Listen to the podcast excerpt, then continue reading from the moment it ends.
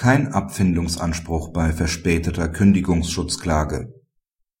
Auch eine nach Ablauf der dreiwöchigen Klagefrist erhobene Kündigungsschutzklage hindert die Entstehung des Abfindungsanspruchs nach § 1a Kündigungsschutzgesetz. Der Arbeitnehmer ist bei der Arbeitgeberin beschäftigt und wird am 19.06.2006 ordentlich aus betriebsbedingten Gründen zum 31.12.2006 gekündigt. Das Kündigungsschreiben, das dem Arbeitnehmer am 29.06.2006 zugeht, enthält den entsprechenden Hinweis nach § 1a Kündigungsschutzgesetz auf ein Abfindungsangebot bei Nichterheben einer Kündigungsschutzklage am 7.8.2006 erhebt der Arbeitnehmer Kündigungsschutzklage und gibt an, die Kündigung sei ihm erst am 17.07.2006 zugegangen und seine Klage deswegen fristgerecht. Ein Antrag auf nachträgliche Zulassung sei daher nicht notwendig. Außerdem lehnt er das Angebot einer Abfindung ab. Am 21.08.2006 nimmt er die Klage zurück und begehrt nunmehr in einer neuen Klage die Abfindung er habe die Kündigungsschutzklage zu spät erhoben, die Voraussetzungen für eine Abfindung lägen also vor. Unbedeutend sei, dass er zunächst davon ausgegangen sei, rechtzeitig Klage erhoben zu haben. Die Klage auf Abfindungszahlung bleibt in allen Instanzen ohne Erfolg. Dem Arbeitnehmer steht kein Abfindungsanspruch nach § 1a Kündigungsschutzgesetz zu.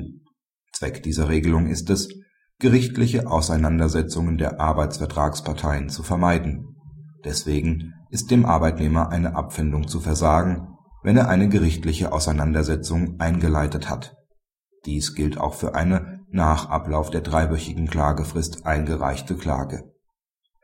Deren Rücknahme kann nicht das Gegenteil bewirken, denn der Arbeitnehmer soll gerade nicht zunächst die Entwicklung des Kündigungsschutzprozesses abwarten und die Klage dann bei sich abzeichnender Erfolglosigkeit zurücknehmen dürfen, um doch noch in den Genuss der Abfindung zu kommen.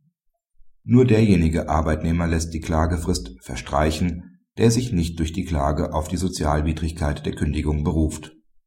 Dies gilt auch dann, wenn der Arbeitnehmer den Antrag auf nachträgliche Zulassung deswegen nicht stellt, weil er der Auffassung ist, die Klagefrist sei gewahrt. Praxishinweis Bereits 2007 hat der Senat entschieden, dass der Abfindungsanspruch aus § 1a Kündigungsschutzgesetz bei verspäteter Kündigungsschutzklage mit gleichzeitigem Antrag auf nachträgliche Zulassung entfällt. Diese Konstellation stellt er nun mit der hiesigen gleich, in der der Arbeitnehmer zwar keinen solchen Antrag stellt, aber die Sozialwidrigkeit der Kündigung geltend macht und von einer rechtzeitigen Klageerhebung ausgeht.